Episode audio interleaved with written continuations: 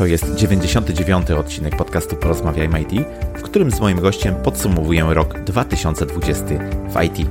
Przypominam, że w poprzednim odcinku rozmawiałem o React. Wszystkie linki oraz transkrypcję dzisiejszej rozmowy znajdziesz pod adresem porozmawiajmoit.pl łamane na 99.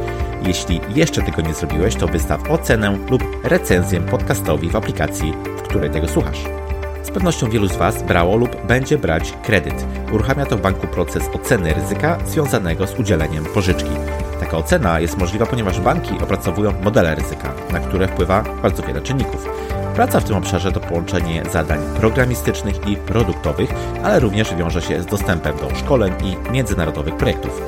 Wykorzystuje się technologie typu Python, Git, Azure DevOps czy Machine Learning. O modelowaniu ryzyka oraz pracy osób tym się zajmujących miałem okazję porozmawiać w ramach podcastu Tech Masterclass, do którego prowadzenia zostałem zaproszony przez ING Tech Poland.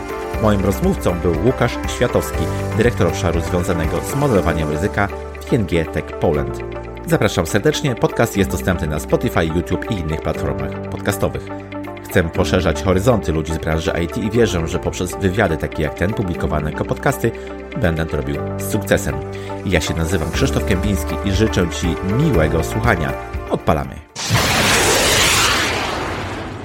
Cześć, dzisiaj w podcaście goszczę Grzegorza Kotwisa, programistę, ojca, męża, twórcę podcastu Dev Session, autora wielu inicjatyw w polskim IT, myślę, że osobę rozpoznawalną. I tak jak sobie sprawdziłem, to mieliśmy okazję już porozmawiać grubo ponad dwa lata temu, właśnie tutaj podcaście, w październiku 2018 roku. Wow, wydaje się to strasznie, strasznie dawno temu w odcinku numer 19, a teraz nagrywamy odcinek 99, więc dziewiątki nas prześladują. Cześć Grzegorz, bardzo miło mi Cię gościć ponownie w podcaście. Cześć Krzysztof, dzięki wielkie za zaproszenie i witam przy okazji wszystkich słuchaczy podcastu Porozmawiajmy o IT.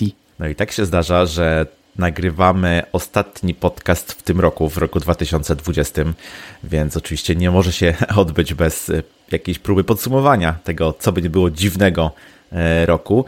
Nie tylko dziwnego dla całego świata, ale również też dla IT, bo to wiadomo, że nie jest to branża w żaden sposób funkcjonująca niezależnie, ale powiązana ze wszystkim, co się dzieje wokoło, więc sporo z tych rzeczy, które się działy wokoło, przenosiły się na samą branżę i właśnie dlatego zaprosiłem dzisiaj Grzegorza, żeby porozmawiać, żeby podsumować, żeby może w, jak, w jakiś sposób skonfrontować nasze spojrzenie na to, co się w tym naszym e, poletku IT działo. Od czego myślisz, Grzegorz, możemy zacząć? Możemy powiedzieć, że w tym roku działo się naprawdę wiele. I no, to nie będzie żadnym odkryciem, jeśli powiemy, że ten rok był nietypowy dla IT. E, z wielu względów. No, wie, wiemy tutaj, że ten y, wybuch e, epidemii koronawirusa wpłynął bardzo mocno, również, również po prostu na tą branżę IT na wielu polach. Na wielu polach i tych konsumenckich, i tych deweloperskich, więc Mm, w sumie chyba cała ta nasza rozmowa się pewnie gdzieś tam będzie kroczyć, bo mam wrażenie, że e, COVID miał impact prawie na większość e, wydarzeń. Tak, tak. Tak jak powiedziałeś, to nie są tylko takie kwestie techniczne e, związane, nie wiem, na przykład z takim wzmocnieniem transformacji e, cyfrowej, nie wiem, z upowszechnieniem się pewnych narzędzi, z pewnym zrozumieniem, że da się za pomocą technologii realizować rzeczy, które wcześniej wydawały się, wydawały się niemożliwe, e, ale również taki bezpośredni wpływ e, na nas jako ludzi pracujących w IT, na, nas, na nasze otoczenie, na to, w jaki sposób pracujemy. No ale może, żebyśmy tak nie mówili bardzo w oderwaniu od jakichś konkretów, to, to, to co? Zaczniemy może od, od rynku pracy i od tego, jak właśnie sytuacja z, z COVID-em w tym roku nam się przełożyła na uwolnienie pewnych osób na, na rynku pracy, a później mam wrażenie ponownym, jak gdyby nasileniu się problemów pracodawców ze znalezieniem właśnie nowych pracowników? Jak najbardziej. To jest dobry temat na początek, myślę, bo tutaj ta no przez chwilę mam wrażenie, że ta bezpieczna taka bańka programistów pękła i co niektórym naprawdę e, zrobiło się gorąco koło tyłka. I te takie mm, słynne, no jak tam twoje 30 minut bezrobocia, jak się czułeś na tym 30 minut bezrobociu, e, u niektórych zapewne wydłużyło się do kilku dni, a może i nawet tygodni. Mhm. A szczególnie właśnie w marcu, w kwietniu, kiedy to wszystko się nasiliło. Nie wiem, czy Krzysztof widziałeś na jak to śledziłeś ja na LinkedInie, tam mam wrażenie najwięcej się działo, najwięcej dramatycznych historii. I też programiści, działy HR, mm, wszystko troszkę wystopowało. Mm, szczególnie chyba mam wrażenie takie projekty, które były w planach, że powiedzmy zaczynamy coś w kwietniu, nagle w marcu przychodzi taka informacja, e, nie wiadomo co będzie, gospodarka hamuje, e, zrobiło się trochę chyba paniki i w związku z tą paniką nagle e, na LinkedInie nie pojedyncze osoby, ja wprost widziałem posty, które mówiły o całych teamach szukających pracy, większe firmy po prostu nawet nie chciały natrzymać na tej przysłowiowej ławeczce ludzi, tylko mówił, słuchajcie, mamy 40 deweloperów, zestawienie w Excelu, mają taki, taki skille, chętnie e, wam ich e, wylizingujemy, damy, no mhm. jakkolwiek, po prostu weźcie tych ludzi, bo oni szukają pracy. Nie? I to było straszne. To, to było straszne, chyba nikt nawet z tych osób się nie spodziewał, że coś takiego może ich, e, może im się wydarzyć po prostu. Tak myślę, tak myślę. Faktycznie wstrząsnęło to nieco branżą. Ja się spotkałem też z taką interpretacją, czy z taką próbą interpretacji tego, że takie rzeczy może są potrzebne, bo powodują, że gdzieś to status quo, do którego tak mocno się przyzwyczailiśmy, jest naruszone. Musimy zacząć e, myśleć, działać w sposób trochę mm, niekonwencjonalny, w sposób taki e, nieoczywisty. Straciliśmy trochę taki grunt, ale może nie bardzo, ale mimo wszystko gdzieś ten, e, ten grunt zaczął się lekko trząść. Słyszałem też takie głosy, że no, tak naprawdę pracę stracili ci najsłabsi, ci, którzy na przykład nie byli potrzebni w projektach, bo byli tam tak na, trzymani na zasadzie, a może się przyda. Osobiście nie do końca się z tym zgadzam, bo tak jak mówisz, też obserwowałem sytuację na LinkedInie, widziałem, że nieraz osoby z wieloletnim stażem, naprawdę dobre, rozpoznawalne, traciły pracę Oczywiście było to zupełnie niezależne i ta decyzja leżała zupełnie e, poza nimi, bo to najczęściej różne właśnie sytuacje ekonomiczne, gospodarcze na to, e, na to wpływały, ale no tak, wstrząs na rynku pracy jakiś tam e, był i taka taka narracja, czy takie mówienie o tym, że ta branża jest y, stabilna i przetrwa wszystko, mam wrażenie, że, że tutaj trochę, trochę rysa na, na, szkle się, mhm. na szkle się pojawiła, prawda? Widzieliśmy, też obserwowałem na Intinie wysyp takich, takich e, postów, często smutnych bardzo naprawdę.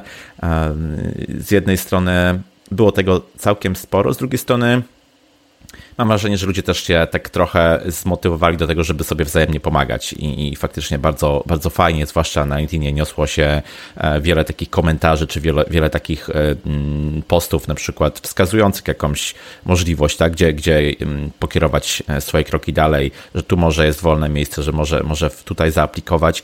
I to też jest, to też jest fajne, myślę, że pokazało mm, trochę takiej ludzkiej e, twarzy tego, tego wszystkiego, tak trochę ociepliło e, tą, e, tą sytuację. Nie wiem, czy też miałeś okazję coś takiego zaobserwować. Jak najbardziej. Ten, ten zryw był bardzo widoczny. Potem nawet LinkedIn wprowadził taką opcję, żeby oznaczyć się, że open chyba to work. Można taki mhm. hashtag i nakładał ci na zdjęcie coś, coś takiego.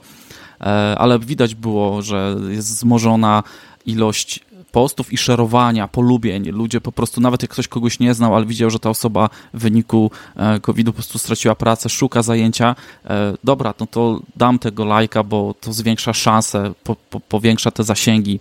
E, można do tego pracodawcy potencjalnego dotrzeć. Tutaj jeszcze bym wrócił do, tej, do tych programistów. Wiesz, rzeczywiście chyba juniorzy, te osoby początkujące, e, to im, im to w ogóle wystopowało, ale mam wrażenie, że też ci seniorzy, którzy gdzieś tam odpadli właśnie, stracili projekty, pracę, e, to też było chyba trochę taka mm, rewalidacja, czy oni naprawdę są seniorami. E, senior to jest koszt dla firmy, duży koszt, nie? I teraz właśnie jak widziałem takie ogłoszenie, kurczę, ktoś oddaje, nie wiem, 20 seniorów czy to rzeczywiście byli seniorzy, czy w tych projektach potrzebne, aż byli e, ludzie z takimi umiejętnościami, bo może to było, wiesz, trochę na zapas, a mieliśmy ich w zespole dobra. I nagle się okazało, kiedy jest trochę gorzej, że trzeba gdzieś przyciąć. I dobra, to nie wiem, zostawimy dwóch seniorów na pokładzie, czterech możemy oddać i projekt dalej się kręci. Więc to, no, to chyba też było trochę takie właśnie zejście trochę na ziemię, sprawdzenie, e, co my tak naprawdę mamy, jakich ludzi na pokładzie, jakich potrzebujemy, mhm. no i po prostu też przeliczenie kosztów. Tak, tak, tak. Myślę, że no, nie jednemu, nie jednej taka, taka sytuacja się mogła gdzieś tam przydać tak naprawdę, bo, bo takie, takie zastanowienie się, gdzie jestem, czy, czy, czy faktycznie jestem na tyle ciepłym miejscu, że nie muszę się już gdzieś tam rozwijać, nie muszę nic robić, może, może, może jakoś przełożyć na to, że jednak ta osoba zacznie coś robić, ale to jest ważne, myślę, co powiedziałeś, że juniorzy tutaj, albo te osoby, które planowały dopiero wejść do branży w tym roku, no one trafiły bardzo niefortunnie, no bo mimo wszystko firmy jak gdyby zatrzymały te, te rekrutacje wówczas w tym okresie takim e, wiosenno-wczesnoletnim powiedzmy. To, to, to było bardzo mocne, bardzo mocne wyhamowanie e, e, rekrutacji. Nawet zmiana pracy nie była taka mm, oczywista, bo no, wyobraź sobie, że jesteś taką osobą, która dopiero co przyszła do firmy właśnie, albo zaczęła, nie wiem, no, na początku roku pracę, prawda? No, możesz się spodziewać, że najprawdopodobniej będziesz pierwszą osobą do zwolnienia, jeśli faktycznie jakieś, jakieś e, redukcje będą musiały e, nastąpić, więc no, niełatwa, niełatwa sytuacja i dla juniorów, i dla tych, którzy dopiero co gdzieś tam powiedzmy się załapali w tej branży, mam wrażenie. Tak, no juniorzy tutaj to było wprost widać gdzieś tam na forach, na grupach, że e, ten okres w ogóle odpowiedzi na CV się wydłużył przestało do nich trafiać jakieś oferty e, i no, firmy weszły na chwilę w taki tryb przetrwania. Mhm. Mam wrażenie, że to już się skończyło, mamy, za, mamy to już za nami, że to był taki, wiesz, taki pik, taki trochę, trochę panika, e, nie wiemy co będzie, więc lepiej e, wygasić rekrutację, zostajemy z tym, co mamy na pokładzie, robimy lekkie redukcje, może nie redukcje, ale wtedy musimy wynagrodzenie trochę obciąć. I jakoś żyjemy, zobaczymy, e, co będzie po wakacjach. Takie właśnie też miałem, widziałem, że były plany. Działamy do wakacji, zobaczymy, co dalej, nie? Tak. No i, i, to się trzyma, no, to się kręci dalej. To mam wrażenie, że to, to była tak jak mówisz, taka rysa, e, mhm. która dała niektórym do myślenia, trochę nas sprowadziła na ziemię, ale nic więcej się jakby nie wydarzyło. E, jeszcze tylko ci powiem o tej zmianie pracy. Mhm. Dla mnie to był w ogóle okres właśnie zmiany pracy, bo ja podjąłem decyzję w kwietniu, złożyłem mhm. wypowiedzenie, że idę na własną działalność. I wyobraź sobie, że ja myślałem, że jestem szalony, e, robiąc taki krok, no ale po prostu byłem trochę pewien, co chcę robić i, i że to ma szansę, dużą szansę wypalić. I jakie było moje zdziwienie, kiedy ja startuję 1 lipca, tam na LinkedInie piszę, że odpalam działalność i nagle w tych pierwszych dniach lipca pierwszy, drugi, trzeci, czwarty post ej, ruszam z własną działalnością, ej, zmieniłem pracę. Czyli te osoby wykorzystały COVID, żeby podjąć jakieś działania. Dla niektórych to był też impuls, żeby e, pomyśleć, czy to miejsce, gdzie jestem, gdzie się zasiedziałem, e, to jest dobre miejsce, czy stąd nie można mi wyrzucić, a może właśnie można. Taką firmę, której ciepło się siedzi od 5-10 lat, też może coś spotkać złego i nie jest przygotowana na, e, na takie sytuacje, i niektóre osoby, e, które mają jakiś plan na siebie, e, uznały, że okej, okay, trzeba coś, trzeba działać. Nie, że wiesz, wycofuję się i czekam na lepsze czasy pasywnie, tylko działają aktywnie. Przeszły niektóre osoby do działania i to było widać wprost na, na, na LinkedInach i na, na różnych social mediach. Dokładnie. Dla niektórych to był taki katalizator zmian, mam wrażenie. Natomiast y, faktycznie, jak sobie teraz spojrzysz na LinkedIn, jak widzę swojego walla, to nie ma tam już tego typu postów, nie ma tego typu ogłoszeń, że nagle straciłem y, pracę. Mam wrażenie, że sytuacja odmieniła się diametralnie i w tej chwili, jak gdyby też w projektach, w których pracuję, szukamy programistów i mam wrażenie, że jest trudniej, jeszcze trudniej znaleźć kogoś sensownego niż to było przed, przed COVID-em. To była na chwilę taka, taka mała zapaść, a teraz jak gdyby rynek wessał wszystkich tych, którzy się uwolnili dla tego rynku pracy właśnie w tym okresie mm, wiosennym i, i Wiadomo, to jest jak gdyby bardziej skomplikowana rzecz, bo pewnie to, że wiele e, firm musiało przejść tą transformację cyfrową, że zauważono potencjał w różnych narzędziach internetowo-cyfrowych, powiedzmy, e, wpłynął na to, że zapotrzebowanie jeszcze na te usługi IT, tak już jakby wychodząc poza programowanie, jeszcze się e, zwiększyło. W związku z tym tych specjalistów jeszcze bardziej brakuje. I to, co ja w tej chwili obserwuję, to jest tak naprawdę pogłębienie się jeszcze tego deficytu takich osób, które faktycznie coś konkretnego potrafią. I nie ma, nie ma w tej chwili już takich, takich problemów w znalezieniu pracy, jak to było jeszcze z pół roku temu na przykład. Tak, to widać po, po niektórych tych indeksach e, rynku pracy, jego jakby w jakim on jest stanie, nie? I widać, że to IT hmm. rośnie. E, to nie, nagle nie pojawiło nam się kilkudziesięciu tysięcy programistów na rynku, bo skąd mieli się pojawić? E, skoro junior, juniorzy nie weszli na rynek pracy, to tak naprawdę my nie przygotowujemy nowych programistów, nie? No bo skąd mają się wziąć seniorzy? No nie, nie spadną z nieba. Trzeba tak. tych juniorów, midów przeprowadzić przez ten cały proces i zrobić z nich dobrych seniorów, nie? Mhm. E, więc były jakieś roszady, były przetasowania, ludzie się polokowali w nowych firmach, e, dla niektórych e, było to możliwość też pozyskania dobrego seniora za troszkę niższą cenę, no bo skoro gdzieś wypadł z projektu, to niektórzy mhm. bardzo szybko rzucali się na, na te osoby. E, no i teraz to ucichło. Mam wrażenie, że ten rynek rekrutacyjny wrócił do, do normalności. I, I, dalej się kręci, dalej się kręci. Po prostu tam no była ta rysa i, i, działamy dalej. Właśnie, działamy dalej. Przeszliśmy na pracę zdalną. Wielu z nas przeszło na pracę zdalną. E, dla niektórych to był taki trochę święty grali, taki um, taki, e, powiedzmy, takie miejsce, czy takie coś, do czego wzdychali do tej pracy zdalnej. Po kilku tygodniach okazywało się, że wszystko się może znudzić, wszystko się może przejeść, nawet e, stuprocentowa praca zdalna, jeśli się nie jest na to przygotowanym, jeśli się nie wie, jak tą pracę zdalną sobie na przykład w swoim domu ułożyć. No i właśnie, czy, czy jak gdyby COVID też spowodował według Ciebie taką katalizację, przyjęcie y, pracy zdalnej jako czegoś już normalnego w IT, czy też może to, to jak gdyby niezależnie od, od COVID-a i tak musiało się prędzej czy później wydarzyć? Mm, wiesz co, no tutaj ta sytuacja była zdecydowanie katalizatorem, takim trochę wymuszonym, nie? I e, ja w, w firmie, w której pracowałem poprzednio, wcześniej przeszliśmy na taki tryb zdalny, częściowy że jeden, dwa dni w tygodniu możemy pracować zdalnie i to było bardzo fajne. To wielu ludziom e, pomagało w organizacji życia domowego, w załatwianiu różnych spraw, mogli sobie inaczej ułożyć dzień, e, nie dojeżdżać do tej pracy. E, I, no i tu się nagle okazuje, że trzeba trochę dłużej posiedzieć jednak w tym domu. Mi osobiście takie rozwiązanie odpowiadało, ale szybko się okazało, że ten mój dom nie jest przygotowany do tej pracy zdalnej. I podejrzewam, że nie tylko mój.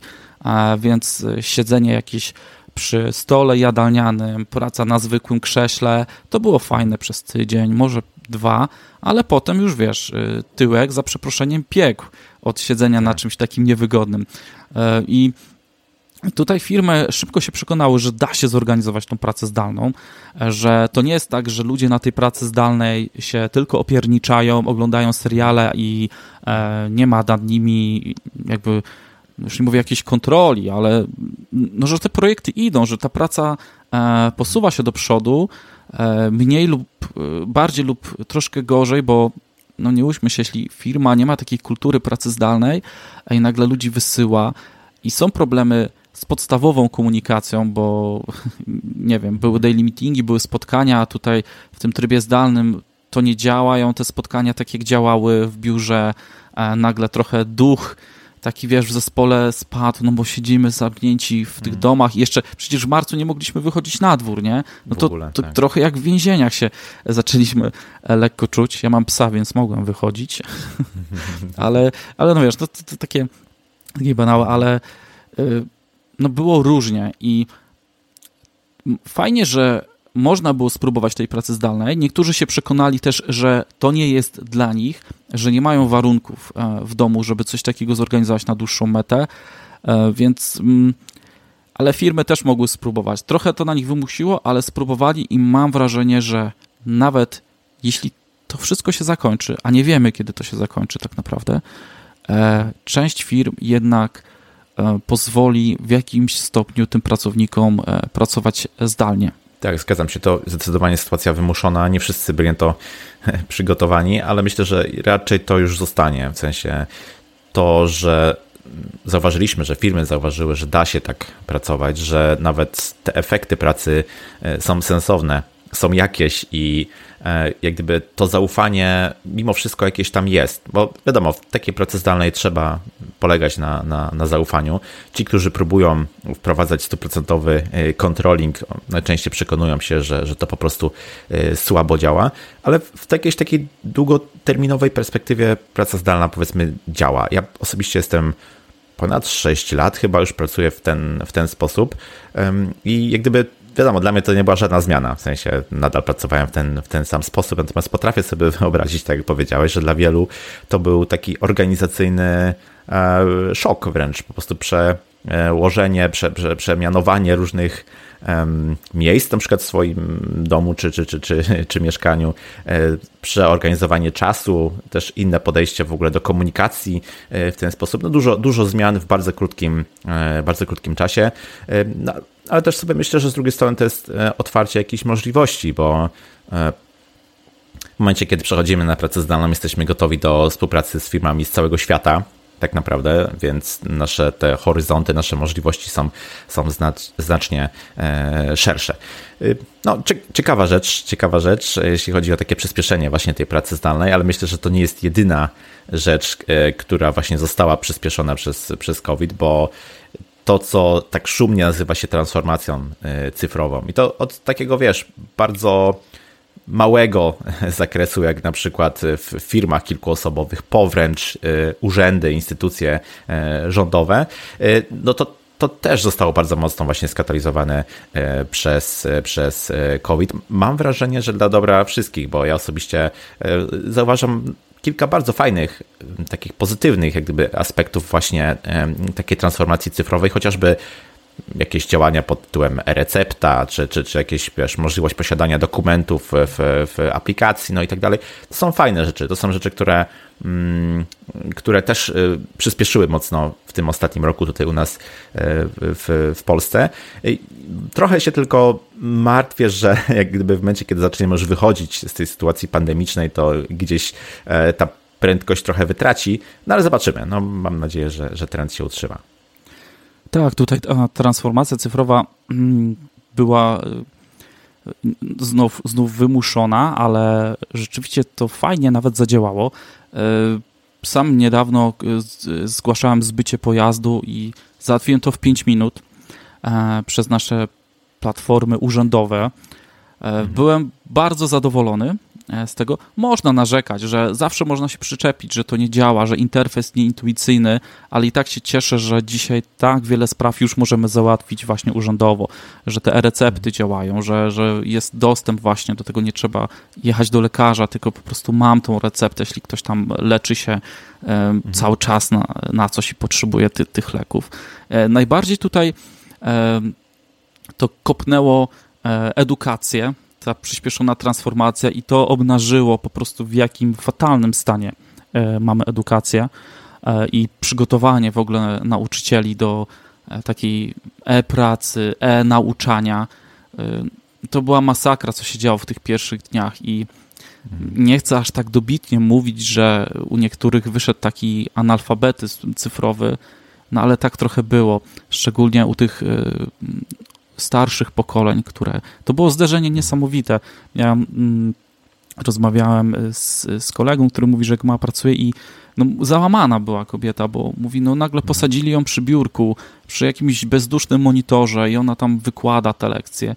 E, całkowita bezradność, e, tak. brak, brak opanowania narzędzi, e, co nie zagrało według mnie też trochę, no ale uczymy się, to była pierwsza sytuacja, że w tym pośpiechu e, rzuciliśmy się na różne rozwiązania i nie było takiej pewnej, wiesz, standaryzacji. Ci na Teamsach, e, ci na Zoomie, tu takie narzędzia, tu takie i szkoły same nie wiedziały, jak to zorganizować. Ja też otrzymywałem zapytania, a gdzie dziennik, a gdzie prowadzić, a Google ma jakieś rozwiązania, a Microsoft. No po prostu tragedia się okazało. Ci informatycy, którzy się opiekują w szkołach tymi komputerami, albo może to są jakieś mhm. firmy, to prawdopodobnie to oni tam nie spali tygodniami, bo musieli nagle organizować maszyny, wszystko, wiesz, konta zakładać i masakra. No, fajnie, że już jesteśmy po tym etapie. Mam nadzieję, że to nie pójdzie na marne, że tak jak mówisz, że nie, że się wygasi e, koronawirus, to gasimy komputery, zapominamy loginy i hasła i co to są Teamsy, tylko że mimo wszystko e, to gdzieś tam już w ludziach zostanie i będą wiedzieli, że jest taka technologia i można z tego korzystać i to nie jest złe. Powiedziałeś o tych Teamsach, to jest takie też pewnie słowo klucz, jeśli chodzi o, o zmiany, jeśli chodzi o zmiany takie cyfrowe właśnie i, i, powiedzmy ogólnie rozumiane społeczeństwo. No, o tych Teamsach wielu z nas y, usłyszało po raz pierwszy. Jeszcze nie tylko o Teamsach, bo o Zoomie, o Skype'ie i tak dalej. To są też takie platformy, które mocno wypłynęły właśnie na, tym, na, tej, na tej pandemii. E, wiadomo, przeżywały też swoje gdyby wzloty i upadki, bo tam jakieś różne wpadki e, bezpieczeństwa z, z, w Zoomie, czy, czy też jakieś wydajnościowe rzeczy w Teamsach, no to to się też szeroko bijało. No a z drugiej strony nagle powiedzmy uderzyła w te narzędzia e, fala nowych użytkowników. Zresztą Microsoft chyba trochę się przeliczył, umożliwiając gdyby takie darmowe dostępy dla, dla, dla szerokiego grona, nie wiedząc ile osób będzie chciało z tego skorzystać, no ale podjęli rękawice i, i finalnie gdzieś tam faktycznie e, dzięki takim narzędziom no, mieliśmy możliwość, czy mieliśmy taką namiastkę e, właśnie chociażby prowadzenia lekcji, nie wiem, jakichś spotkań, rozmów z, z bliskimi znajomymi, wszystko, wszystkiego tego, czego nagle nam e, zabrakło, więc dzięki temu też mam wrażenie, ta branża urosła, tak? No bo to oczywiście my widzimy jakąś tam końcówkę pod tytułem e, Teamsy czy, czy, czy Zoom, ale za tym stoi oczywiście rzesza ludzi, potężna infrastruktura e, i tak dalej, i tak dalej. No i też oczywiście miliony dolarów, no nie oszukujmy się. I, I to wszystko gdzieś urosło, to wszystko gdzieś wypłynęło i myślę, że to ma dalej później przełożenie chociażby na ten rynek pracy, o którym mówiliśmy, że tutaj też to zapotrzebowanie e, rośnie. Pewnie za chwilę zobaczymy jeszcze większą e, falę ludzi, którzy dopiero chcą wejść e, do IT, którzy gdyby usłyszą, że w, tej, w tych trochę chwiejnych czasach ta branża jest, jest stabilna i tak dalej. Więc to, to, to, się, to jest takie drzewko, to się wszystko później gdzieś tam pro, propaguje w, w dół, w dół, prawda?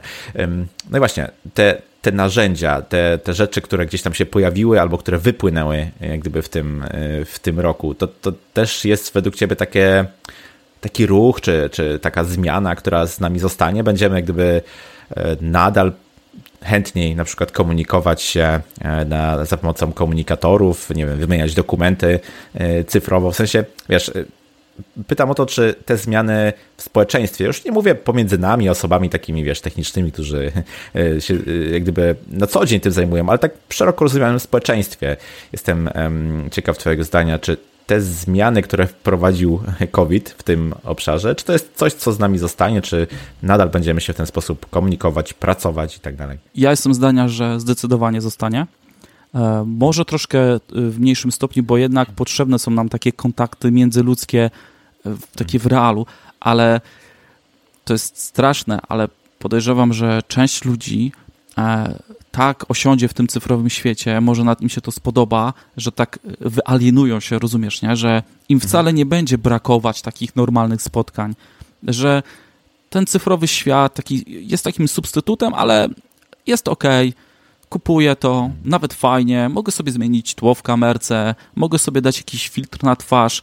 Wow, jest super, nie? Możemy się komunikować mhm. i, i no trochę szkoda, ale gdzieś tam ci młodzi pewnie, e, szczególnie młodzi, wsiąkną w ten cyfrowy świat i, e, i zobaczą, że dobra, to jest ok do jakiegoś stopnia i, i, i będziemy w tym, jeśli miałbym się wypowiedzieć troszkę o tej takiej transformacji jeszcze cyfrowej tych narzędzi, jeśli chodzi o, o mhm. takie normalne firmy, nie IT, to zobacz, co się wydarzyło, e, że nagle takie lokalne e, firmy musiały się przenieść też, trochę zrewolucjonizować technologicznie, cyfrowo a, i wypuszczają produkty cyfrowe.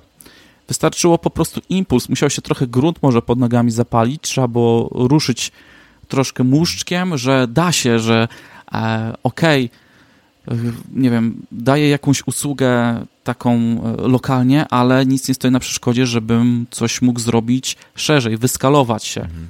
A może jednak się troszkę coś e, zmienić tryb działania. To było widać po restauracjach, co się działo, nie? Oprócz mhm. tego, że zaczęły dowozić, no to taki pierwszy krok. To ja nawet się spotkałem, że jedna restauracja, chyba pizzeria, e, sprzedawała składniki na pizzę, no bo Okej, okay, to jak nie możemy, e, z dowozem jest problem, bo, bo mamy jednego kierowcę, to kup od nas składniki chociaż na pizzę i sobie ją zrób samemu, nie? Więc y, włączyła się taka kreatywność, włączyło się kombinowanie. No kombinowaniem to jesteś po prostu chyba najlepszym kra krajem y, na świecie, Polska. E, to było szczególnie branża turystyczna, nie? Tam mocno musiała lawirować, żeby obchodzić e, różnego rodzaju obostrzenia. E, no turystyka jakby nie przeniesie się tak szybko do świata cyfrowego, no aczkolwiek widziałem wśród zawodów przyszłości um, architekta, organizatora wirtualnych wycieczek. Hmm. Więc y, je, jest potencjał, da się wiele rzeczy jeszcze naprawdę wymyśleć, nie? Tak, to jest właśnie też ciekawe, że mam wrażenie, że pojawiło się sporo takich cyfrowych produktów. E, nam pewnie najbliższe są różnego typu kursy. E, to, że nie można było już odbywać takich szkoleń gdzieś e, offline'owych w tak zwanym realu, no spowodowało to, że coraz więcej osób spojrzało na internet, na takie medium, gdzie być może da się właśnie przenieść te, te, te, te szkolenia szkolenia, kursy, konferencje e, online, no w pewnym momencie mieliśmy tego strasznie duży wysyp, jakichś live'ów, webinarów, nawet nie mówię o takich płatnych, ale też o, o takich zupełnie e, darmowych. Tych, tych materiałów był, był zalew, ja tak naprawdę e, nie, nie wiedziałem, które, które, które mam wybierać, bo mnóstwo było ciekawych faktycznie. Ciąg, ciągle jest, ciągle gdyby ta, ta, ta fala nadal, nadal mam wrażenie istnieje. Mm, I, i też jestem, jestem ciekaw, czy, czy to będzie coś, co przetrwa, co, co jak gdyby na stałe już się e, wpisze e, w, w internet, nie tylko polski, ale też, też e, światowy, że faktycznie tej wiedzy będzie tam jeszcze więcej. Szkole będzie coraz więcej kursów, jakichś właśnie produktów cyfrowych i tak dalej, i tak dalej. Czy też raczej wrócimy po, po pewnym tam czasie do, do jednak takich, do, do sali szkoleniowej, do, do takich um, wyjazdów firmowych, gdzie jak gdyby łączymy nie tylko um, tak naukę, ale też powiedzmy jakieś tam miłe spędzanie czasu i integrację. No właśnie, co, co ty o tym myślisz? Powiem ci, wspomniałeś o tych live'ach, no to, co się działo na Facebooku, e, jak już te wszystkie firmy różnej maści opanowały te live'y, e, to powiem ci, że ja sam w akcie desperacji uczestniczyłem e, w live'ie z nauką tańca i z dziećmi i z żoną. Po prostu staliśmy przed telewizorem e, i uczyliśmy się tam tańczyć jakieś salsy, baszaty czy jakieś inne rzeczy, no bo siedział człowiek już drugi miesiąc w domu, e, nuda była, to była jeszcze też jakaś taka wspor, forma wsparcia trochę tych osób, które no wyszły do tego świata online, nie? Jedni pokazywali, jak gotować, drudzy jak tańczyć, e, ktoś tam jeszcze e, modlili się w online. Po tak. prostu tyle rzeczy się nagle, e, transmisje z, z różnego rodzaju domów, miejsc, żeby tylko się spotkać. I potem naturalnie przeszły konferencje, no bo wszystko się skilowało. Po prostu e, zabijano po kolei e, wydarzenia. Niektórzy jeszcze myśleli, dobra, może coś się wydarzy, próbujmy organizować, po czym na tydzień przed, ej, sorry, no jednak nie dało rady, staraliśmy się. I znowuż pojawiło się zapotrzebowanie na organizację takich eventów online'owych, bo się okazało, że no na Teamsach czy na Zoomie może nie do końca, to musi mieć troszkę fajniejszy charakter. Duże konferencje przeniosły się do tego online'u. Mm, powiem ci, ja tego e, nie kupiłem. Mi ta forma nie przypasowała, e, szczerze mhm. powiem. E, w sensie mam brać dzień wolny w sumie, żeby siedzieć przed komputerem, no to dzień jak co dzień i oglądać te prelekcje, to jakby nie jest coś, co mi pasuje. Mm, I te kursy online, no bo nie dość, że ich było dużo, to pojawiło się jeszcze więcej. Mhm. Część w odpowiedzi na to że niektórzy pomyśleli, ej, trzeba coś teraz zrobić ze swoim życiem, bo tu mi się pali mój biznes, e, to może szybko się przebranżowię, czy to do IT, czy nie wiem, na krawcową, a może na fryzjerkę, a może jeszcze zostanę kimś innym, więc pojawiło się sporo tych kursów, pojawiło, pojawiło się sporo takiej wiedzy w tym online e, i ja myślę, że to jest, e, to jest dobry trend, bo to daje taką możliwość właśnie szybkiego zdobycia, e, wiesz, wiedzy na jakiś temat i e, to, to jest fajne, bo nikt nie mówi, że ty jako wyuczyłeś się w szkole jakiegoś zawodu, masz to robić całe życie, nie? Więc e, mhm. dostęp do wiedzy mamy teraz naprawdę niesamowity. Oczywiście możemy mówić, że to jest różnego, różnej jakości była ta wiedza, nie? Niektórzy dopiero pierwszy raz produkowali kurs, ale pierwsze koty za płoty, będzie tylko lepiej. Boję się tylko o te konferencje, bo powiem ci, że ja osobiście chciałbym jednak, e, żeby spotkać się w realu. No nie mówiąc już o tym, ile hoteli i takich ośrodków tak. padło przez to, że nie było konferencji, nie było warsztatów, nie było innego rodzaju właśnie spotkań takich e, firmowych, nie? Tak, tak, no to prawda. Wiesz, ja, ja mam taki problem z tymi konferencjami czy z webinarami, że konferencje są najczęściej w ciągu dnia, kiedy tak jak, tak jak mówisz, zazwyczaj człowiek pracuje, musiałby brać sobie wolne, Webinary z kolei odbywają się wieczorami, gdzie ja mam taki czas bardziej zarezerwowany dla, dla rodziny już i, i tak naprawdę powiem szczerze, że po całym dniu siedzenia e, przed komputerem pracy już tak nie bardzo mi się chce kolejne godziny jeszcze tam przesiadywać. Natomiast uczestniczę w tego typu konferencjach tylko i wyłącznie jeśli później są dostępne nagrania online, e, po prostu wiesz, tych prelekcji czy, czy, czy wykładu, bo wówczas mogę sobie w dowolnym, dogodnym dla mnie czasie po prostu wybrać nawet, wiesz, te rzeczy, które mnie interesują i sobie powiedzmy je tam obejrzeć e, kilka razy, nie? Nieraz jest tak, że faktycznie te prelekcje nie są dostępne dla wszystkich, na przykład na jakimś ogólnodostępnym kanale na YouTube, tylko dla, dajmy na to, dla uczestników czy coś takiego. E, nadal, gdyby jest to, tak jak powiedziałeś, sensowne, żeby to sobie zobaczyć, bo tam jest taka no, często pigułka wiedzy, fajnie, fajnie to jest e, zrobione. Mm, natomiast faktycznie takie uczestniczenie live dla mnie w, w tego typu rzeczach no, najczęściej odpada. Po prostu mm, mam zazwyczaj inne rzeczy do, do robienia w tym, w tym czasie. No. Mhm. Tam największym też problemem chyba tych spotkań online e, jest ten networking, którego po prostu nie ma. Mhm. Nie ma tego networkingu. No networking na czacie no przepraszam, no, no raczej nie. E, wiem, że potem te platformy się trochę zmieniały i tworzone były jakieś e, pokoje, gdzie zbierano grupkę osób, to sobie pogadajcie w, mniejszy, w mniejszym gronie, ale szybko zobaczyliśmy, że te live to jest takie trochę coś bez duszy. Ok, przychodzę, siadam przed kąpem, konsumuję, coś tam przeleci na czacie, to wszystko, dziękuję, rozchodzimy się, nie?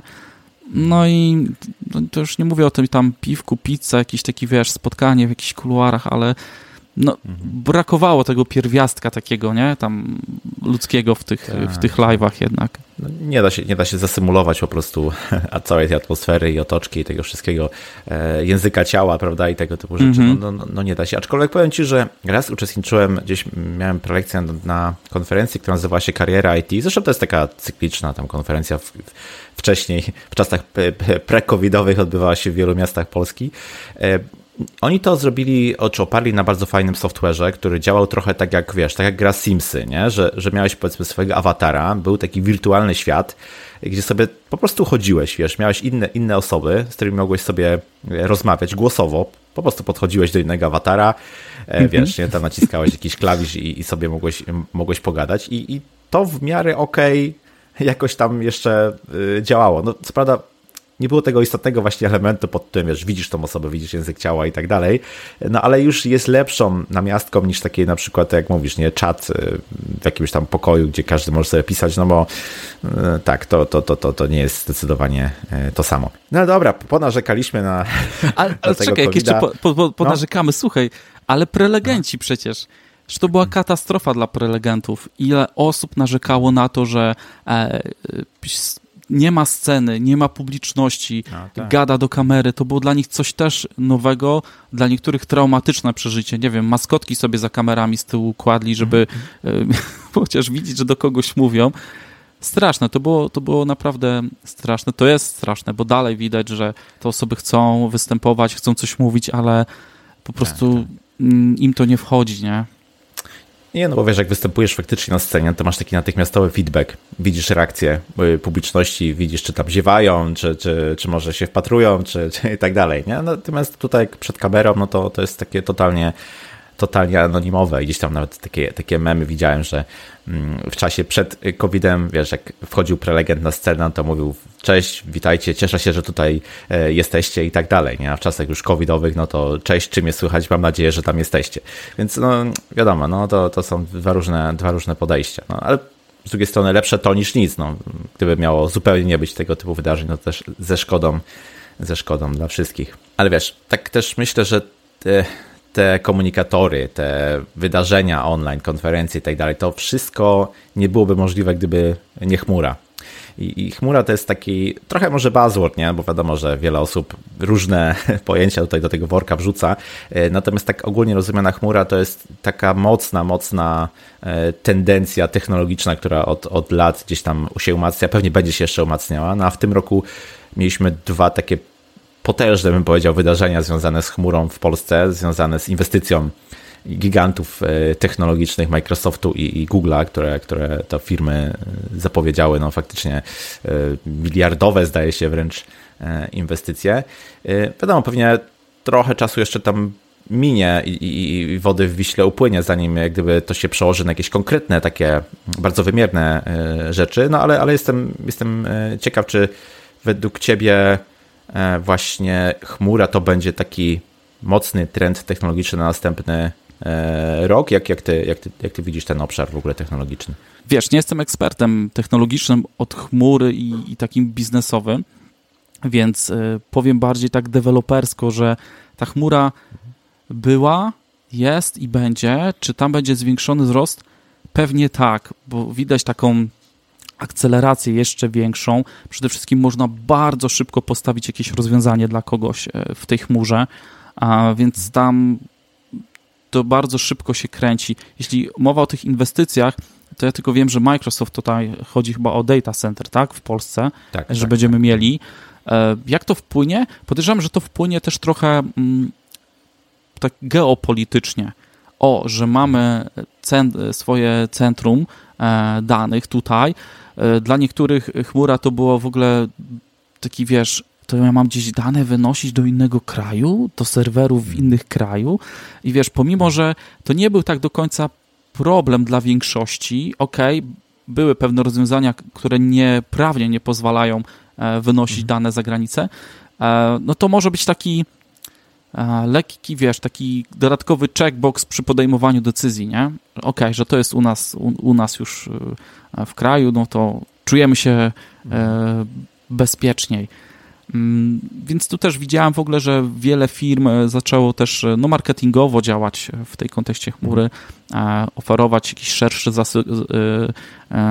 szersze usługi i też przyciągać właśnie deweloperów do chmury, nie? Ej, chodźcie, chodźcie, bo naprawdę jest teraz spora transformacja rozwiązań i my potrzebujemy tutaj ludzi na pokład.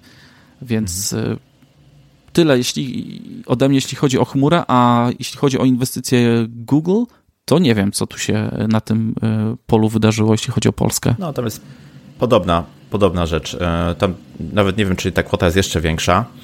E, no ale to, tam, tam jeszcze jest chyba dosyć to rozwleczone w czasie, czy tam nie tak nie do końca mhm. jak gdyby prze, przekłada się na jakieś konkretne technologiczne rzeczy. No, wydaje mi się, że jedno i drugie jak gdyby przełoży się na tym, że będzie duże czy też jeszcze większe zapotrzebowanie na specjalistów od chmury e, w Polsce, ale też właśnie taka mm, ewangelizacja, o której mówiłeś, nie? Że, że e, gdyby poprzez te główne firmy i też mnóstwo firm, które gdyby się wokoło Microsoftu, wokoło Google'a kręcą i są jakimiś tam podwykonawcami, czy jakkolwiek, no poprzez, poprzez tego typu mm, działania mocne też marketingowo mm, więcej firm zauważy taką potrzebę, konieczność, nie wiem, czy, czy chęć w ogóle, żeby właśnie zmigrować do, do chmury i ta, ten rozpoczęty proces transformacji cyfrowej będzie właśnie gdyby w tym, w tym kierunku mocno, e, mocno podążał, bo wiadomo, no jest jeszcze tam mnóstwo mitów na temat e, chmury, nie? Że, że tam e, Chińczycy będą nam w dane patrzeć i czy tam Amerykanie i tak dalej, i tak dalej. No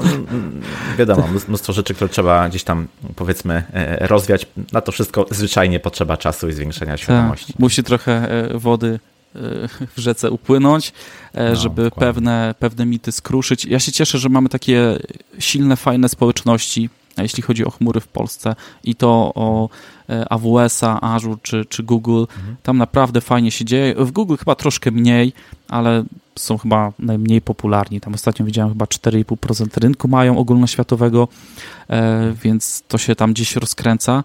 A tak przekornie zapytam, czy nasza, tak politycznie, to jest sukces naszej partii rządzącej, ten data center w Polsce, czy... Yy, tak, tak, bardzo. Już Było, to wiesz, ofic oficjalne przywitanie, oficjalne, tak. A, e, okay. najlepiej jest się ogrzać e, w cieple w wiesz, Rozumiem. innych, nie? Więc polscy tak. specjaliści najlepsi na świecie mają, tak, będą tak, pracować tak, z najlepszymi technologiami. Tak, dobrze. Super, super. Dobrze, zostawmy może ten temat, bo to, to tak byśmy mocno zboczyli nie, nie w tym kierunku, mm, którym, którym powinniśmy. Y, no właśnie, ale to jak gdyby, wiesz, mówimy teraz o takich fajnych rzeczach, które się y, gdzieś tam działy, ale są też niefajne i tych, do tych niefajnych należy bardzo silne wzmożenie y, cyberataków, czy w ogóle takich działań związanych z naruszeniem cyberbezpieczeństwa, takich też mocno niechlubnych, bo y, z tego, co gdzieś widziałem w statystykach, to bardzo wzrosła ilość ataków takich y, cyberne, cybernetycznych na szpitale nie? I, wykradanie tych danych, które na, na, na czarnym rynku, te takie dane medyczne są niesamowicie dużo warte. Z drugiej strony, instytucje pod tytułem szpitale zazwyczaj nie mają e, pieniędzy i zasobów, żeby powiedzmy mm, no, bronić się przed tego typu e, rzeczami, więc, więc są też łatwym, łatwym łupem. Mm, no ale to, to nie tylko oczywiście gdyby szpitale, bo ilość przeróżnych e, cyberataków, z którymi mamy do czynienia i które się mocno nasiliły w okresach, w okresie COVID-a, no, mm, też świadczy o tym, że te nasze dane są cenne, tak? że, że mm, powiedz, powiedzmy stanowią jakąś, e, jakąś wartość i nie można już obecnie mówić o tym, że no ja jestem tylko tam szarym Kowalskim i tam kogo będzie interesowało to, co mam na, telefonie. No, w dzisiejszych czasach, kiedy te urządzenia zbierają mnóstwo informacji, kiedy tam mamy całe nasze centrum dowodzenia, e, jakieś ważne e, informacje, dokumenty i tak dalej, no to jesteśmy jednak jakimś, jakąś tam wartością dla cyberprzestępców, mm, to prawda? No tak, no się okazuje, że nie trzeba, wiesz, wychodzić na ulicę i komuś umać torebki, można siedzieć przy komputerze i po prostu położyć komuś całą firmę i powiedzieć, dobra, wpłacaj mi 10 tysięcy euro, bo inaczej twoja firma mm, stoi. I teraz właśnie taki przysłowiowy Kowalski, e, nie wiem jak, e, jak reagowali na takie akcje, ale no wątpię, że tam w ogóle były backupy. Bezpieczeństwo w wielu firmach, w wielu rozwiązaniach leży nie dość, że mało jest specjalistów e, na rynku e, od cyberbezpieczeństwa, to świadomość właśnie tych firm, oni dla nich pierwszym krokiem, ok, idziemy, idziemy do online, ja chcę mieć szybko sklep i tak dalej, weź coś mi tam postaw, ja chcę sprzedawać rzeczy, nie myśli za bardzo o jakichś konsekwencjach, a co się stanie, jeśli ktoś mi ten sklep wyłączy na tydzień, ile ja stracę klientów, nie? Jaki to będzie koszt dla mojej firmy, więc może warto e, zawczasu zrobić sobie jakiś audyt, pomyśleć o tym. E, a to jest tak szeroki aspekt, bo e, też wyszło na jaw trochę takich jak bardzo jako ludzie i te ataki socjotechniczne jesteśmy słabi. No, mhm. bo teraz cała masa ludzi przemigrowała do tego świata technologicznego nagle, nauczyciele, szpitale i tak dalej muszą zacząć korzystać z jakichś rozwiązań. E, no i okazuje się, że te hasła na karteczkach wiszące gdzieś tam w tle i kamerka odpalona, która na to patrzy, e, to to jest dalej codzienność i to się nie zdarza Kowalskiemu, to się zdarza politykom, e, mhm. ludziom gdzieś nawet wyżej postawionym i jesteśmy słabi w, w tym zakresie. No jeszcze słabsze są, są ci po prostu cyberprzestępcy, no ale no co tu od nich oczekiwać, że oni się będą jakiś, wiesz, e, mieli jakiś swój kodeks postępowania, że nie atakujemy e, placówek szpitalnych, bo co, no bo może moje dziecko tam nagle trafi i, i a sprzęt będzie wyłączony. No jak on siedzi, nie wiem, gdzieś w Korei, atakuje Brazylię, no to e, sorry, on, ja jestem bezpieczny, nie? No to jest cyberprzestępca, tutaj raczej wątpię, żeby e, wiesz, mieli jakiś swój kodeks, po prostu chcą wymusić kasę um, i tyle, nie? Więc tak, to, tak. to, była, to była naprawdę taka no, ciemna strona tego wszystkiego. E, ona, ona dalej z nami zostanie. To, tego nie da się mhm. Mm, jakby wyplewić. Wszystkie takie akty e, dalej będą z nami. No możemy się tylko... To jest ciągłe takie ściganie się. My kontra oni, nie? E, mhm. I raz wygramy, raz przegramy. Ważne, żeby ta świadomość w nas rosła, bo my tu mówimy o, na przykład o placówkach i tak dalej, ale zobacz ile takich osób, takich tych właśnie tego przysłowiowy, ten przysłowiowy Kowalski byli naciągani na SMS-y mhm. z paczkomatów, z różnych dziwnych innych firm, po prostu e, taka, wiesz, to, to zaufanie takie społeczne, nie? Trochę ludzie tu, mhm. dobra, łączymy się, no bo jest COVID i tak dalej, no to dostajesz SMS-a, dostajesz jakiegoś maila i te ataki różne phishingowe przybierały na sile a, i wykorzystywały to, że ci ludzie są teraz w potrzebie i tacy zmiękczyli się trochę, nie? I są też e, takimi e, mało doświadczonymi użytkownikami mhm. nowych technologii. Nie? Powiedziałem, że ten cloud to jest taki trochę buzzword, bo chyba trochę jest. Wszyscy zaczynają używać tego, tego słowa. Tymczasem jakbyś zapytał, to, to, to mm, dla wielu jest bardzo to niejasne.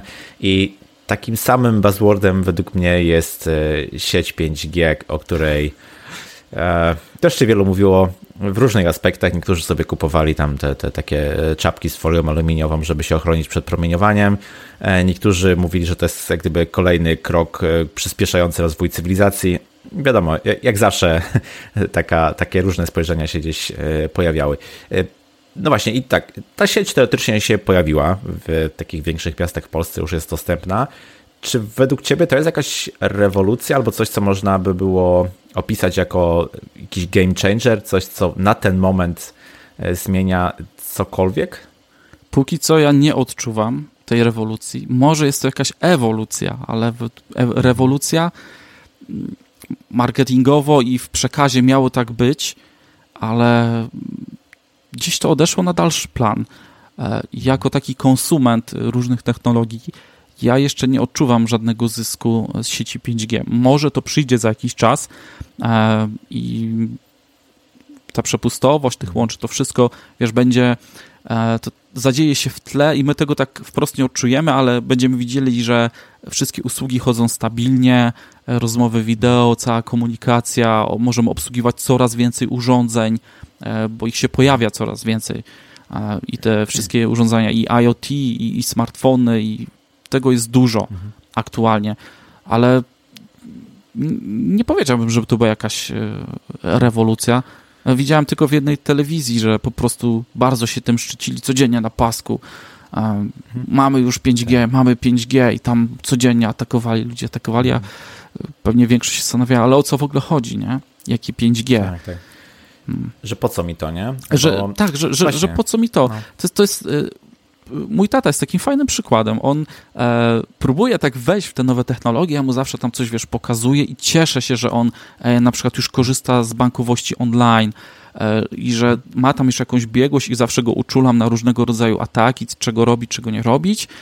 E, I to są takie właśnie buzzwordy, bo dostał router i pan Monter mu powiedział, że e, ma pan tutaj 5 e, GHz częstotliwość i 2,4 no to mój tata sobie, wiesz, szybko pomyślał, no 5 jest więcej od 2,4, to na pewno będzie lepiej chodzić, będzie nie? szybciej, nie? Szybciej będzie, no będzie, wiesz, bajka. No i, i to jest takie troszkę proste myślenie, bo mówię, wiesz, tata, działałeś tyle lat na 2,4 i wszystko było ok, mówię, nic się nie stanie, jak zostaniesz na ten 2.4. Ja ci mogę przepiąć tą, w twoją komórkę telewizor na 5. Oczywiście, jeśli w okolicy by było dużo tutaj sieci Wi-Fi, byście się zakłócali, no to, a ty byś był jeden na 5, no to będziesz miał rzeczywiście mniej zakłóceń, będzie to lepiej u ciebie troszkę działać, ale to nie jest jakiś game changer dla ciebie, to, to, to nie jest rewolucja, że ja nie wiem, co teraz w tym telefonie ci się pojawi, nie? Ale no zobacz, jak takie właśnie buzzwordziki, takie um, było 3G, teraz jest 5G, było 2.4, teraz jest 5 GHz, nie? Jak to działa e, na niektórych i właśnie pobudza, nie? No, jesteśmy podatni na takie rzeczy, zdecydowanie. Zwłaszcza jak się tym przekazem marketingowym tam wiele razy nas atakuje z różnych źródeł, nie? Bo to wiadomo, telewizja, internet, tutaj zobaczysz gdzieś na jakimś billboardzie, no i już uważasz, że po prostu wszyscy mają to 5G, wszyscy na tym, na tym są, tylko nie ty, nie? Mhm. Jakby tak na to spojrzeć, to tak trochę mi to przypomina sytuację, wiesz, ze smartfonami, gdzie co roku mamy tam nowego flagowca Samsunga, jakiegoś nowego iPhone'a i te, teraz już znacznie więcej tego jest. Y, ale tak naprawdę, jakby tak spojrzeć, to no okej, okay, jest oczywiście jakiś tam progres y, w, w, w sprzęcie, w hardware'ze może i tak dalej, ale czy to one się aż tak bardzo od siebie różnią? No nie bardzo, nie? I tutaj mam wrażenie, że jest, jest podobnie, w sensie ta obietnica 5G e, na ten moment jest e, trochę taką pieśnią przyszłości, mam wrażenie. Być może kiedyś skonsumujemy to, co ta obietnica gdzieś podaje, natomiast na, na, na ten moment to jest dla mnie taka trochę ciekawostka technologiczna mm -hmm. na ten moment. No. Fajnie, fajnie, że jest z nami, że rzeczywiście za jakiś czas możemy nie mieć problemu, bo już będziemy przygotowani technologicznie, e, będziemy mieli to 5G, bo e, taki duży problem zauważ, zauważam w Niemczech jest, kiedy oni się szybciej transformowali cyfrowo przed nami i dla mnie to było ogromne zdziwienie, że my w firmie mamy łącze 1, 1 gigabitowe, a u nich ciężko w ogóle, wiesz, znaleźć tak. 25 jakiś tam, żeby tam było chociaż megabitów. Po prostu i się okazuje, że mają po prostu starszą infrastrukturę. Oni szybciej wystartowali, a dzisiaj są w tym etapie, gdzie u nich są bardzo już w niektórych miejscach przestarzałe e, technologie, a dla nas, my wchodziliśmy w innym etapie i dla nas po prostu jakieś łącze tam 100 megabitów na sekundę, to nie był jakiś rocket science, nie? Bo startowaliśmy po prostu później z innego pułapu e, technologicznego, więc fajnie, że, że to mamy, niech jest, niech czeka na, na lepsze czasy. Dokładnie tak. E, no właśnie, a schodząc tak bliżej kodu teraz, to no, ja z jednej strony widzę, mm, jeśli tak sobie myślę o tym e, roku 2020, to widzę jak Python wystrzelił nie? w popularnościach, nawet w tym ostatnim tam wydaniu indeksu TIOP, zdaje się, że na drugie miejsce skoczył, wyprzedzając chyba po raz pierwszy w ogóle Java w, w historii. Nie? Więc no, to jest też ciekawe i dosyć znamienite, że taki e, język no, ogólnego przeznaczenia, który tam, okej, okay, no może jest jakiś prosty, znaczy prosty, źle powiedziane. To jest w miarę łatwe, jeśli chodzi o wejście, e, ale z drugiej strony no, ani nie jest jakimś tam super demonem e, prędkości, ani nie posiada jakichś takich killer feature'ów, które by gdzieś nie istniały indziej, że, że taki język relatywnie szybko zyskuje na, na, na, na popularności i coraz więcej osób, jak myśli o tym, żeby rozpocząć naukę programowania, to albo rozważa Pythona, albo JavaScript. Nie? Mhm. I, I nie jest niczym nowym, bo Python to jest język A, tak. 20 lat jest z nami Coś chyba koło tego, nie? E, mhm. I ja mam swoją teorię e, na ten temat. E, języki programowania to jest po prostu trochę też biznes, to jest trochę marketing. Jeśli za danym językiem stoi odpowiednio silna, nawet chyba nie społeczność, ale odpowiednio silny marketing, który będzie promował ten język, to można po prostu wcisnąć wszystko. Można wszystko wcisnąć. Python był tak wciskany jest dobry do weba, da się postawić jakąś stronkę na tym, jest dobry do data science, jest dobry do automatyzacji, do robienia skryptów, no i w chmurze się opędzi na tym jakieś rozwiązania i siła tych, wiesz, ilość materiałów, kursów, książek po prostu chyba hmm. przygniotła i wypromowała go niesamowicie. I hmm. jestem przekonany, że gdyby teraz, wiesz, y, przerzucić całe działania marketingowe, takie społecznościowe, wspierające na jakiś inny język, to też by się dało, bo koniec końców to chodzi o to, żeby przekonać deweloperów i przekonać biznes, że a weźmy ten, ten język. No a jak można przekonać? No można przekonać właśnie poprzez takie działania e, marketingowe, dev advocate i, i tego typu mhm. sprawy, bo tak jak mówisz, e, składnia, sposób działania to znowu już nie jest jakaś rewolucja. E, język mhm. skryptowy, ok, możemy jakieś tam moduły kompilowane z C, jeśli dobrze kojarzę, wykorzystywać, więc mhm. mamy namiastkę gdzieś tam jakiejś e, szybkości tych rozwiązań, więc nie wiem, tak, no ta popularność jest, bo stoi za tym pewnie ten, ten marketing, te mhm. kursy, to wszystko i bootcampy i, tak. i nie wiadomo co. Może też wzrost popularności AI, machine learning i data science, mhm E, gdzie ten język tam był wykorzystywany mocno, przyciągnął e, rzesze ludzi i ten spowodował ten wzrost e, popularności.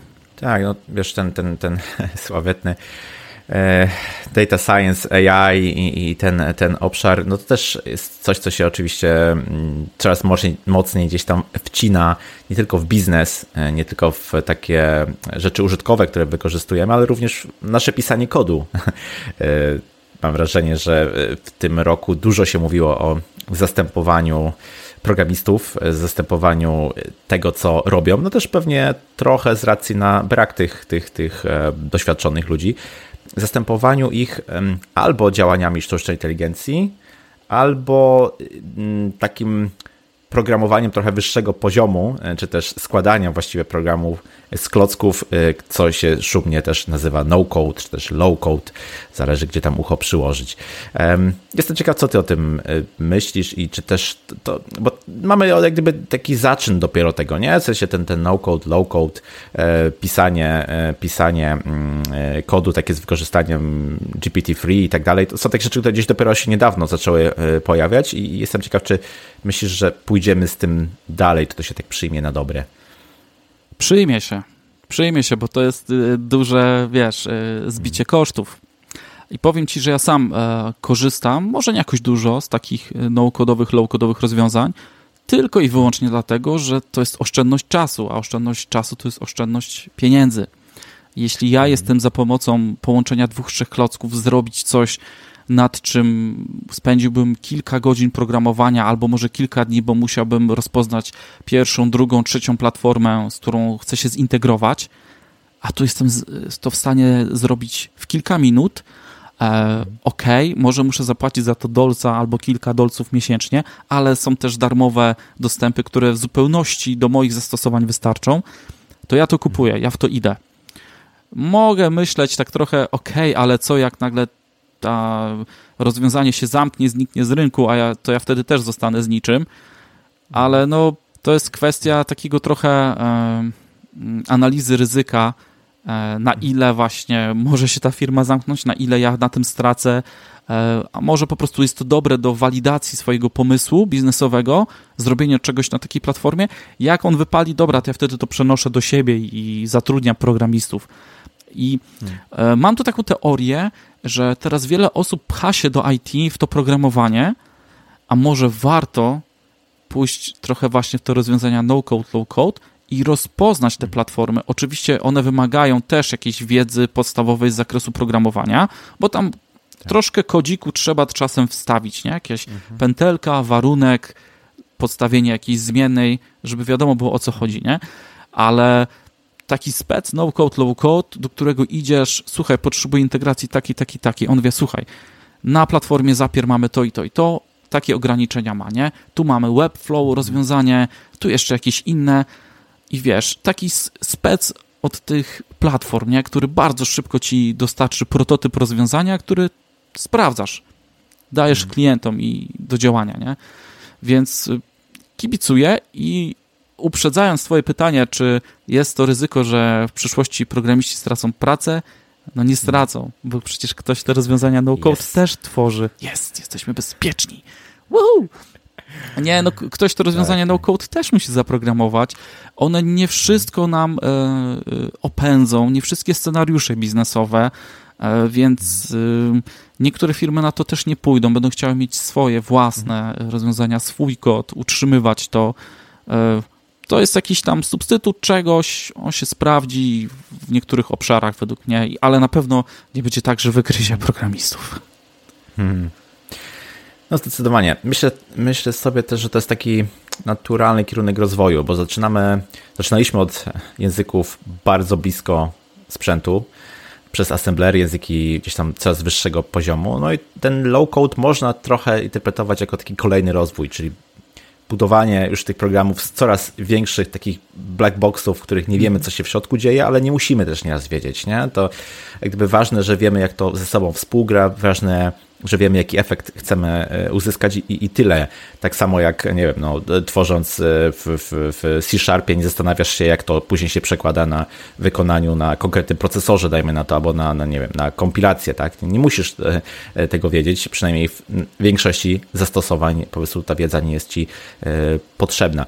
No, Dokładnie. Myślę, że to, to jest jedno z narzędzi, kolejne narzędzie, które w pewnych zastosowaniach fajnie się sprawdza, dobrze wiedzieć w jakich, ale też nie próbować tym, tym młotkiem e, wówczas wszystkiego wbijać, bo, bo tak jak mówisz, no, jest wiele różnych e, przypadków, gdzie się tak e, nie da. I to nawet, wiesz, tak się skojarzyło, nie tyczy tylko no-code czy tam low-code, ale też takich rzeczy, które wydawały mi się, że można wszędzie przyłożyć. Na przykład ten, ten AI, wrócę znowu do, do, do machine learningu. Ostatnio rozmawiałem z kimś, kto zajmuje się w banku modelowaniem ryzyka. Oni tam tworzą, wiesz, takie modele, no, jak ty sobie przychodzisz, chcesz wziąć kredyt hipoteczny, to ten model tam na podstawie różnych y, danych analizuje, czy, czy, czy, czy jest, czy true, czy false, mm-hmm. tak w skrócie mówiąc, nie? I oni na przykład, y, pytałem o, o, to, czy oni tam stosują mocno y, machine learning. Okazuje się, że tylko trochę mogą, bo jest to regulowane właśnie prawnie. Chodzi o to, że oni nie mogą mieć, oni w razie kontroli muszą jednoznacznie pokazać algorytm, według których wyliczyli wyznaczyli mm -hmm. dla e, Jana Kowalskiego, że ten kredyt jest możliwy albo nie. A tymczasem w przypadku e, sieci takich właśnie związanych z machine learningiem, no, e, ta, ta, ta sieć może być właśnie takim black boxem, nie? W sensie nie wiadomo, mm -hmm. co tam mhm. się w środku dzieje, nie, nie wiadomo, jak ona się nauczyła Taki wcześniej. Quasi logic jest, trochę. No taki, ta, taka, taka, taka właśnie rozryta trochę logika i tutaj no, prawo jak gdyby mówi, że tak nie można, więc no, narzędzie, traktujmy to wszystko jako narzędzia i przykładajmy tam, gdzie to ma sens, a, a nie próbujmy jak gdyby um, wieszczyć nie? Takich, takich zmian bardzo rewolucyjnych, że, że nagle oto od dnia tam któregoś nie będziemy już pisać kodu, bo sztuczna inteligencja będzie to za nas e, e, robiła albo, albo e, no, osoby, które w ogóle nie mają nic wspólnego na przykład z programowaniem. Mm -hmm. Ja myślę, że wiesz, e, zanim kiedyś, kiedyś, kiedyś może do tego dojdzie, to wpierw będzie nas raczej wspomagać e, w tym procesie. I to już widać. E, są rozwiązania, które analizują Twój kod, podpowiadają Ci, jak coś zrobić, mhm. czy za Ciebie wygenerują jakiś malutki kawałek, typu słuchaj, potrzebuję wczytać plik, dobra, pff, masz, nie? Tutaj snippet do, do wczytania. E, robią jakieś analizy, takie ryzyka kodu, skanery, właśnie pod mhm. kątem security. E, będzie nas wspomagać, ale raczej do etapu, żeby nas zastąpiła daleka, daleka droga. Jeszcze musi umieć gadać z biznesem, a to w ogóle niełatwa sprawa. No dokładnie.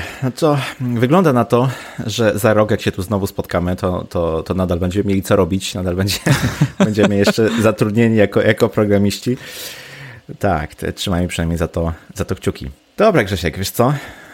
Myślę, myślę że chyba, chyba na tyle, jeśli chodzi o ten rok. Oczywiście to tak z bardzo wysokiej perspektywy, bo, bo można byłoby poruszyć pewnie jeszcze mnóstwo tematów wokoło IT, które się wydarzyły.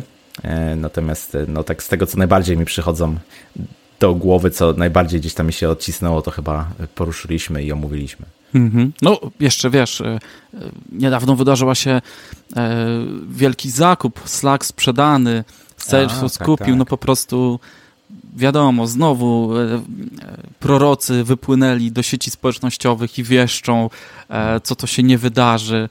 No, wiesz co, jeszcze powiem ci, nie spotkałem chyba sytuacji, żeby ktoś wydał tam, nie wiem, 28 miliardów dolarów tylko po to, żeby ubić jakieś rozwiązanie i je zamknąć za tydzień. A, a takie, takie są głosy. Niektórzy tak wprost piszą i zastanawiam się po prostu skąd biorą takie e, teorie, nie? No, teorie spiskowe zawsze, zawsze się znajdą. Ale... Tak mi się przypomniało, wiesz, po, podobnie było z GitHubem, nie? Tam też wieszczyli, że za chwilę wszystko, wszystko zniknie, a teraz widziałem dosłownie na dniach GitHub też um, upublicznił takie, czy to są wyniki ankiety, czy ich wewnętrznego badania, które pokazują, na ile wzrasta, jak gdyby, na ile wzrosło zaangażowanie ludzi w takie open source'owe działania w czasie COVID-u i to jest e, no, olbrzymi, olbrzymi wręcz e, skok, jak gdyby rozwijanie obecnych już tam gdzieś, wiesz, bibliotek, repozytoriów i tak dalej, też tworzenie, e, tworzenie nowych, nie? Widać, że mm, ludzie chcą się w to angażować, że ludzie może, może się trochę też nudzą w tych domach i chcą, mm -hmm. chcą coś innego, e, innego porobić. No i GitHub w tym doskonale e, pomaga, więc na szczęście Microsoft go nie zamknął.